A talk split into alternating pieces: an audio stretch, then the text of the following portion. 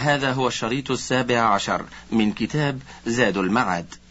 وإن حال دون منظره سحاب أو قتر أصبح صائما.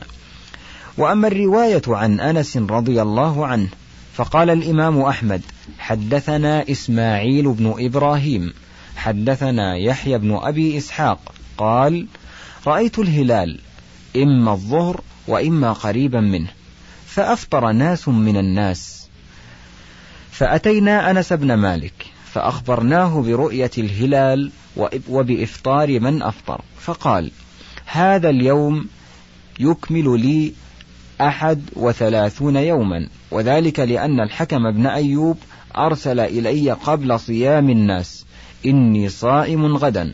فكرهت الخلاف عليه فصمت وأنا متم يومي هذا إلى الليل. وأما الرواية عن معاوية فقال أحمد حدثنا المغيرة حدثنا سعيد بن عبد العزيز قال حدثني مكحول ويونس بن ميسرة ابن حلبس أن معاوية بن أبي سفيان كان يقول لأن أصوم يوما من شعبان أحب إلي من أن أفطر يوما من رمضان. وأما الرواية عن عمرو بن العاص فقال أحمد حدثنا زيد بن الحباب أخبرنا ابن لهيعة عن عبد الله بن هبيرة عن عمرو بن العاص أنه كان يصوم اليوم الذي يشك فيه من رمضان. وأما الرواية عن أبي هريرة فقال حدثنا عبد الرحمن بن مهدي حدثنا معاوية بن صالح عن أبي مريم مولى أبي هريرة قال سمعت أبا هريرة يقول لأن أتعجل في صوم رمضان بيوم أحب إلي من أن أتأخر لأني إذا تعجلت لم يفتني وإذا تأخرت فاتني. وأما الرواية عن عائشة رضي الله عنها فقال سعيد بن منصور حدثنا أبو عوانة عن يزيد بن خمير عن الرسول الذي أتى عائشة في اليوم الذي يشك فيه من رمضان قال قالت عائشة لأن أصوم يوما من شعبان أحب إلي من أن أفطر يوما من رمضان. وأما الرواية عن أسماء بنت أبي بكر رضي الله عنها فقال سعيد أيضا حدثنا يعقوب بن عبد الرحمن عن هشام بن عروة عن فاطمة بنت المنذر قالت ما غم هلال رمضان إلا كانت أسماء متقدمة بيوم وتأمر بتقدمه. وقال أحمد حدثنا روح بن عباد عن حماد بن سلمة عن هشام بن عروة عن فاطمة عن أسماء أنها كانت تصوم اليوم الذي يشك فيه من رمضان. وكل ما ذكرناه عن أحمد فمن مسائل الفضل بن زياد عنه. وقال في رواية الأثرم إذا كان في السماء سحابة أو علة أصبح صائما وإن لم يكن في السماء علة أصبح مفطرا. وكذلك نقل عنه ابناه صالح وعبد الله والمروزي والفضل بن زياد وغيرهم. فالجواب من وجوه. أحدها أن يقال ليس فيما ذكرتم عن الصحابة أثر صالح صريح في وجوب صومه حتى يكون فعلهم مخالفا لهدي رسول الله صلى الله عليه وسلم. وإنما غاية المنقول عنهم صومه احتياطا. وقد صرح أنس بأنه إنما صامه كراهة للخلاف على الأمراء. ولهذا قال الإمام أحمد في رواية الناس تبع للإمام في صومه وإفطاره. والنصوص التي حكيناها عن رسول الله صلى الله عليه وسلم من فعله وقوله إنما تدل على أنه لا يجب صوم يوم الإغمام ولا تدل على تحريمه.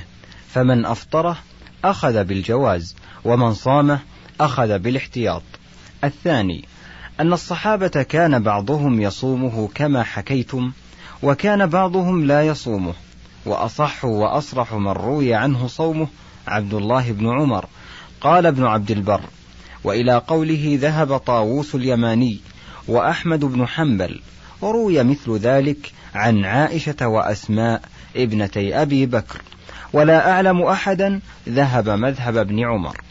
غيرهم قال وممن روي عنه كراهة صوم يوم الشك عمر بن الخطاب وعلي بن أبي طالب وابن مسعود وحذيفة وابن عباس وأبو هريرة وأنس بن مالك رضي الله عنهم.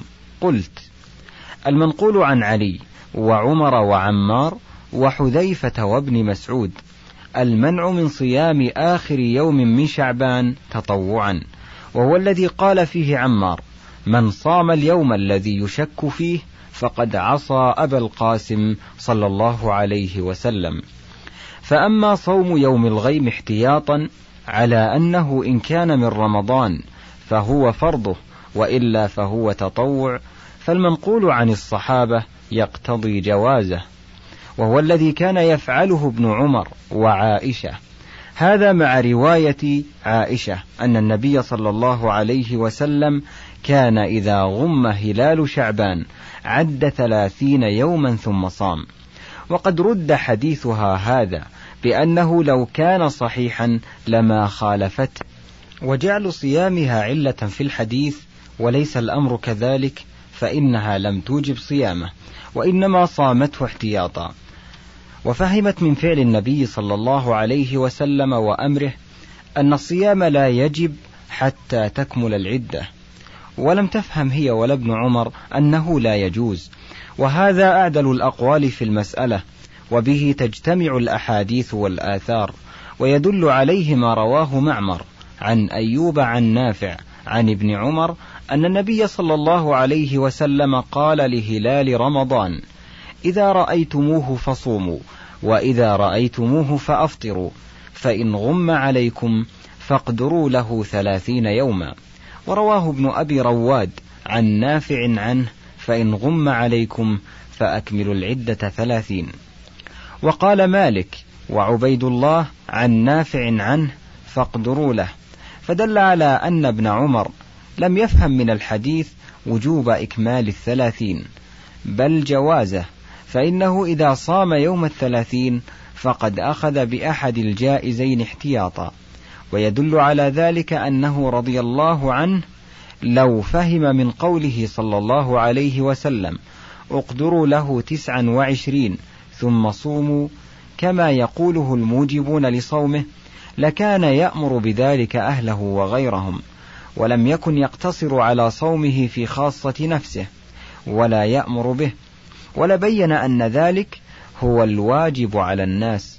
وكان ابن عباس رضي الله عنه لا يصومه ويحتج بقوله صلى الله عليه وسلم لا تصوموا حتى تروا الهلال ولا تفطروا حتى تروه فإن غم عليكم فأكملوا العدة ثلاثين.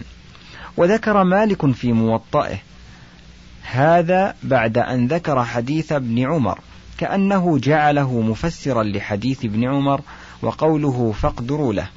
وكان ابن عباس يقول عجبت ممن يتقدم الشهر بيوم أو يومين. وقد قال رسول الله صلى الله عليه وسلم لا تقدموا رمضان بيوم ولا يومين كأنه ينكر على ابن عمر.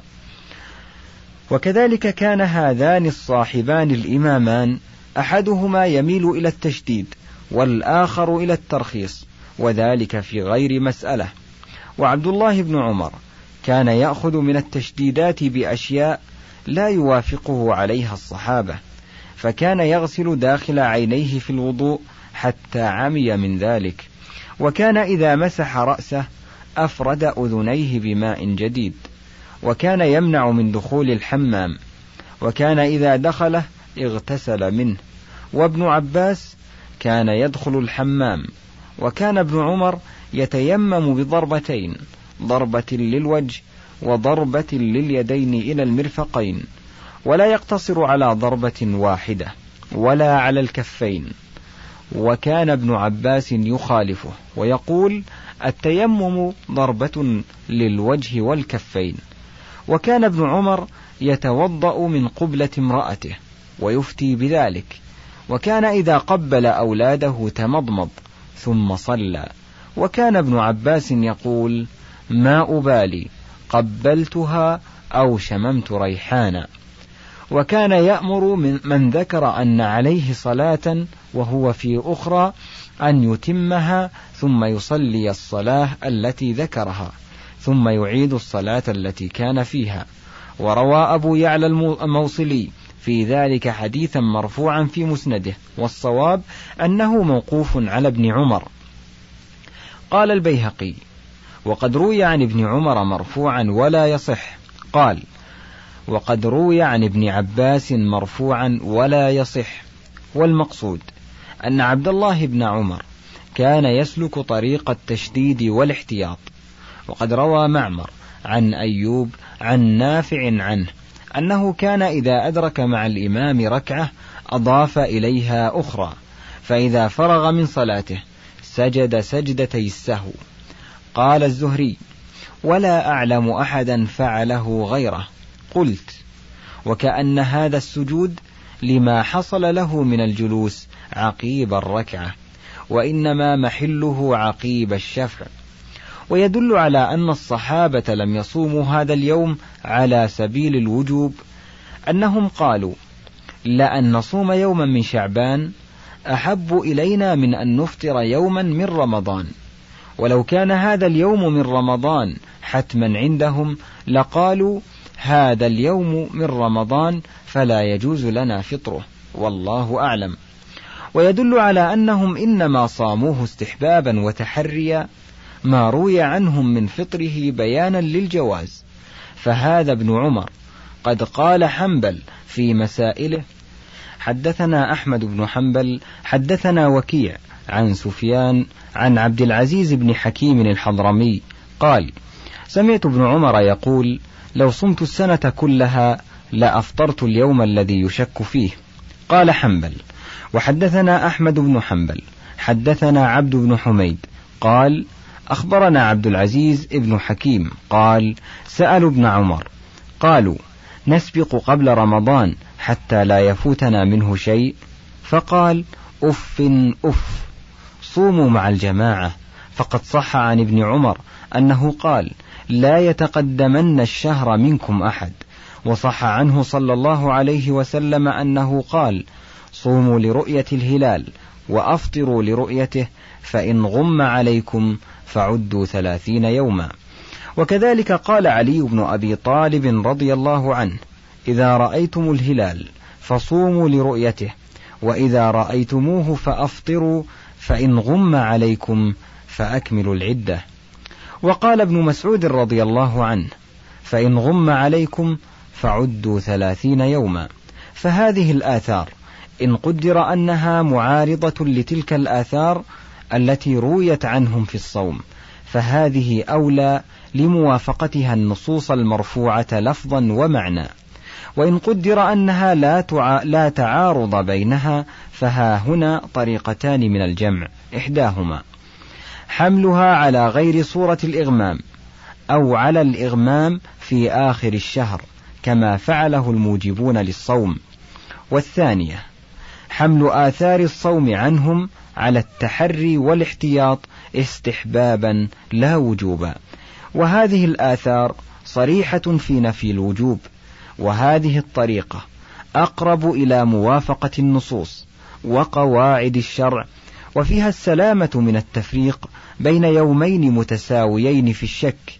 فيجعل أحدهما يوم شك والثاني يوم يقين مع حصول الشك فيه قطعا.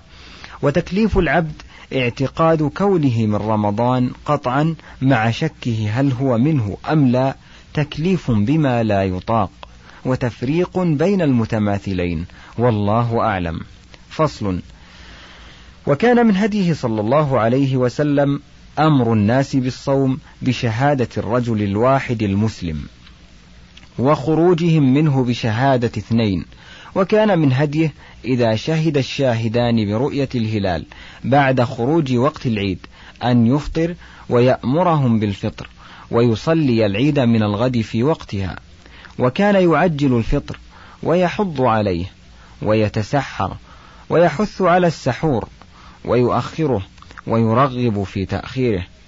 وكان يحض على الفطر بالتمر فإن لم يجد فعلى الماء هذا من كمال شفقته على أمته ونصحهم. فإن إعطاء الطبيعة الشيء الحلو مع خلو المعدة أدعى إلى قبوله وانتفاع القوى به ولا سيما القوة الباصرة فإنها تقوى به وحلاوة المدينة التمر ومرباهم عليه وهو عندهم قوت وأدم ورطبه فاكهة وأما الماء فإن الكبد يحصل لها بالصوم نوع يبس فإذا رطبت بالماء كمل انتفاعها بالغذاء بعده ولهذا كان الأولى بالظمآن الجائع أن يبدأ قبل الأكل بشرب قليل من الماء ثم يأكل بعده هذا مع ما في التمر والماء من الخاصية التي لها تأثير في صلاح القلب لا يعلمها إلا أطباء القلوب. فصل وكان صلى الله عليه وسلم يفطر قبل أن يصلي، وكان فطره على رطبات إن وجدها، فإن لم يجدها فعلى تمرات، فإن لم يجد فعلى حسوات من ماء. ويذكر عنه صلى الله عليه وسلم أنه كان يقول عند فطره: اللهم لك صمت وعلى رزقك أفطرت فتقبل منا إنك أنت السميع العليم ولا يثبت. وروي عنه أيضا أنه كان يقول اللهم لك صمت وعلى رزقك أفطرت. ذكره أبو داود عن معاذ بن زهرة أنه بلغه أن النبي صلى الله عليه وسلم كان يقول ذلك. وروي عنه أنه كان يقول إذا أفطر ذهب الظمأ وابتلت العروق. وثبت الأجر إن شاء الله تعالى. ذكره أبو داود من حديث الحسين بن واقد عن مروان بن سالم المقفع عن ابن عمر. ويذكر عنه صلى الله عليه وسلم إن للصائم عند فطره دعوة ما ترد. رواه ابن ماجه.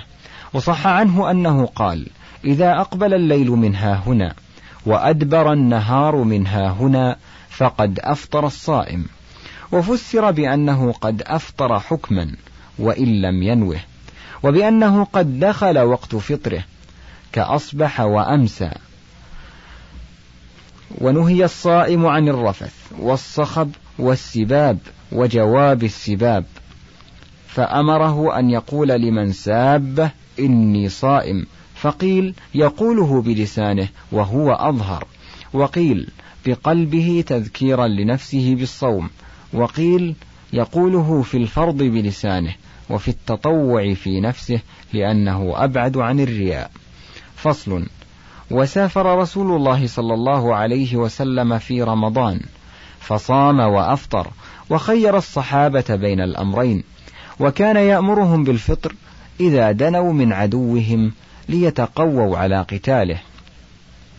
فلو اتفق مثل هذا في الحضر وكان في الفطر قوة على لقاء عدوهم فهل لهم الفطر؟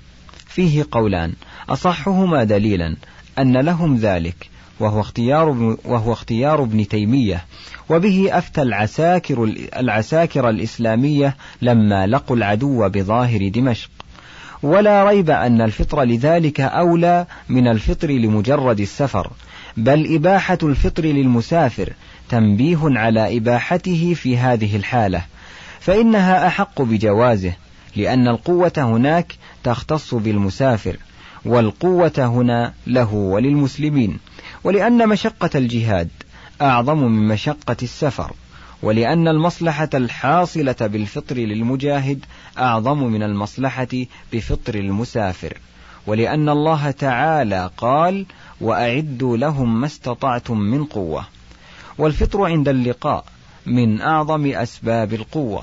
والنبي صلى الله عليه وسلم قد فسر القوة بالرمي وهو لا يتم ولا يحصل به مقصوده إلا بما يقوي ويعين عليه من الفطر والغذاء. ولأن النبي صلى الله عليه وسلم قال للصحابة لما دنوا من عدوهم إنكم قد دنوتم من عدوكم والفطر أقوى لكم وكانت رخصة. ثم نزلوا منزلا آخر فقال إنكم مصبحوا عدوكم والفطر أقوى لكم فأفطروا فكانت عزمة فأفطرنا فعلل بدنوهم من عدوهم واحتياجهم إلى القوة التي يلقون بها العدو وهذا سبب آخر غير السفر والسفر مستقل بنفسه ولم يذكره في تعليله ولا أشار إليه فالتعليل به اعتبارا لما ألغاه الشارع في هذا الفطر الخاص وإلغاء وصف القوة التي يقاوم بها العدو. واعتبار السفر المجرد إلغاء لما اعتبره الشارع وعلل به. وبالجملة فتنبيه الشارع وحكمته. يقتضي أن الفطر لأجل الجهاد أولى منه لمجرد السفر. فكيف وقد أشار إلى العلة ونبه عليها وصرح بحكمها؟ وعزم عليهم بأن يفطروا لأجلها ويدل عليه ما رواه عيسى بن يونس عن شعبة عن عمرو بن دينار قال سمعت ابن عمر يقول قال رسول الله صلى الله عليه وسلم لأصحابه يوم فتح مكة إنه يوم قتال فأفطروا تابعه سعيد بن الربيع عن شعبة فعلل بالقتال ورتب عليه الأمر بالفطر بحرف الفاء وكل أحد يفهم من هذا اللفظ أن الفطر لأجل القتال. وأما إذا تجرد السفر عن الجهاد فكان رسول الله صلى الله عليه وسلم يقول في الفطر هي رخصة من الله فمن أخذ بها فحسن ومن أحب أن يصوم فلا جناح عليه. فصل وسافر رسول الله صلى الله عليه وسلم في رمضان في أعظم الغزوات وأجلها في غزاة بدر وفي غزاة الفتح. قال عمر بن الخطاب غزونا مع رسول الله صلى الله عليه وسلم في رمضان غزوتين يوم بدر والفتح فأفطرنا فيهما. وأما ما رواه الدار قطني وغيره عن عائشة قالت خرجت مع رسول الله صلى الله عليه وسلم في عمرة في رمضان فأفطر رسول الله صلى الله عليه وسلم وصمت. وقصر وأتممت فغلط إما عليها وهو الأظهر أو منها وأصابها فيه ما أصاب ابن عمر في قوله اعتمر رسول الله صلى الله عليه وسلم في رجب فقالت يرحم الله أبا عبد الرحمن ما اعتمر رسول الله صلى الله عليه وسلم إلا وهو معه وما اعتمر في رجب قط. وكذلك أيضا عمره كلها في ذي القعدة وما اعتمر في رمضان قط. فصل. ولم يكن من هديه صلى الله عليه وسلم تقدير المسافة التي يفطر فيها الصائم بحد ولا صح عنه في ذلك شيء. وقد أفطر دحية بن خليفة الكلبي في سفر ثلاثة أي أميال وقال لمن صام قد رغبوا عن هدي محمد صلى الله عليه وسلم وكان الصحابة حين ينشئون السفر يفطرون من غير اعتبار مجاوزة من غير اعتبار مجاوزة البيوت ويخبرون أن ذلك سنته وهديه صلى الله عليه وسلم. كما قال عبيد بن جبر ركبت مع أبي بصرة الغفاري صاحب رسول الله صلى الله عليه وسلم في سفينة من الفسطاط في رمضان فلم يجاوز البيوت حتى دعا بالسفرة. قال اقترب. قلت ألست ترى البيوت؟ قال أبو بصرة أترغب عن سنة رسول الله صلى الله عليه وسلم؟ رواه أبو داود وأحمد. ولفظ أحمد ركبت مع أبي بصرة من الفسطاط إلى الإسكندرية في سفينة فلما دنونا من مرساها أمر بسفرته فقربت ثم دعاني إلى الغذاء وذلك في رمضان. فلم يجاوز البيوت حتى دعا بالسفرة. قال اقترب. قلت ألست ترى البيوت؟ قال أبو بصرة أترغب عن سنة رسول الله صلى الله عليه وسلم رواه أبو داود وأحمد.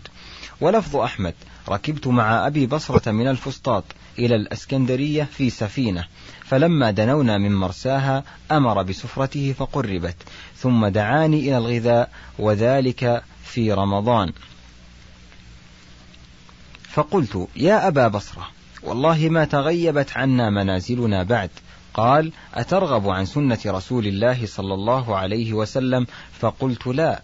قال فكل. قال فلم نزل مفطرين حتى بلغنا. وقال محمد بن كعب أتيت أنس بن مالك في رمضان وهو يريد سفرا وقد رحلت له راحلته وقد لبس ثياب السفر فدعا بطعام فأكل. فقلت فقلت له سنة؟ قال سنة. ثم ركب. قال الترمذي حديث حسن. وقال الدار قطني فيه فأكل وقد تقارب غروب الشمس. وهذه الآثار صريحة في أن من أنشأ السفر في أثناء يوم من رمضان فله الفطر فيه. فصل. وكان من هديه صلى الله عليه وسلم أن يدركه الفجر وهو جنب من أهله فيغتسل بعد الفجر ويصوم. وكان يقبل بعض أزواجه وهو صائم في رمضان وشبه قبلة الصائم بالمضمضة بالماء. وأما ما رواه أبو داود عن مصدع ابن يحيى عن عائشة أن النبي صلى الله عليه وسلم كان يقبلها وهو صائم ويمص لسانها. فهذا الحديث قد اختلف فيه فضعفه طائفة بمصدع هذا وهو مختلف فيه. قال السعدي زائغ جائر عن الطريق. وحسنه طائفة وقالوا هو ثقة صدوق. روى له مسلم في صحيحه وفي إسناده محمد بن دينار الطاح البصري مختلف فيه أيضا. قال يحيى ضعيف وفي رواية عنه ليس به بأس وقال غيره صدوق. وقال ابن عدي قوله ويمص لسانها لا يقوله إلا محمد ابن دينار وهو الذي رواه. وفي إسناده أيضا سعد بن أوس مختلف فيه أيضا. قال يحيى بصري ضعيف وقال غيره ثقة وذكره ابن حبان في الثقات. وأما الحديث الذي رواه أحمد وابن ماجه عن ميمونة مولاة النبي صلى الله عليه وسلم قالت سئل النبي صلى الله عليه وسلم عن رجل قبل امرأته وهما صائمان فقال قد أفطر. فلا يصح عن رسول الله صلى الله عليه وسلم. وفيه أبو يزيد الضني رواه عن ميمونة وهي بنت سعد. قال الدار قطني ليس بمعروف ولا يثبت هذا. وقال البخاري هذا لا أحدث به هذا حديث منكر. وأبو يزيد رجل مجهول. ولا يصح عنه صلى الله عليه وسلم التفريق بين الشاب والشيخ. ولم يجئ من وجه يثبت. وأجود ما فيه حديث أبي داود عن نصر بن علي عن أبي أحمد الزبيري حدثنا إسرائيل عن أبي العنبس عن الأغر عن أبي هريرة أن رجلا سأل النبي صلى الله عليه وسلم عن المباشرة للصائم فرخص له وأتاه آخر فسأله فنهاه فإذا الذي رخص له شيخ وإذا الذي نهاه شاب. وإسرائيل وإن كان البخاري ومسلم قد احتجا به. وبقية الستة فعلة هذا الحديث أن بينه وبين الأغر فيه أبا العنبس العدوي الكوفي واسمه الحارث ابن عبيد سكتوا عنه. فصل. وكان من هديه صلى الله عليه وسلم إسقاط القضاء عمن أكل وشرب ناسيا وأن الله سبحانه هو الذي أطعمه وسقاه. فليس هذا الأكل والشرب يضاف إليه فيفطر به فإنما يفطر بما فعله وهذا بمنزلة أكله وشربه في نومه إذ لا تكليف بفعل النائم ولا بفعل الناس. فصل والذي صح عنه صلى الله عليه وسلم أن الذي يفطر به الصائم الأكل والشرب والحجامة والقيء والقرآن دال على أن الجماع مفطر كالأكل والشرب لا يعرف فيه خلاف ولا يصح ولا يصح عنه في الكحل شيء. وصح عنه أنه كان يستاك وهو صائم. وذكر الإمام أحمد عنه أنه كان يصب الماء على رأسه وهو صائم وكان يتمضمض ويستنشق وهو صائم. ومنع الصائم من المبالغة في الاستنشاق. ولا يصح عنه أنه احتجم وهو صائم. قاله الإمام أحمد. وقد رواه البخاري في صحيحه قال أحمد حدثنا يحيى بن سعيد قال لم يسمع الحكم حديث مقسم في الحجامة في الصيام يعني حديث سعيد عن الحكم عن مقسم.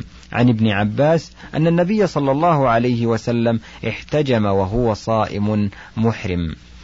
قال مهنأ وسألت أحمد عن حديث عن حديث حبيب بن الشهيد عن ميمون ابن مهران عن ابن عباس أن النبي صلى الله عليه وسلم احتجم وهو صائم محرم. فقال ليس بصحيح. قد أنكره يحيى بن سعيد الأنصاري.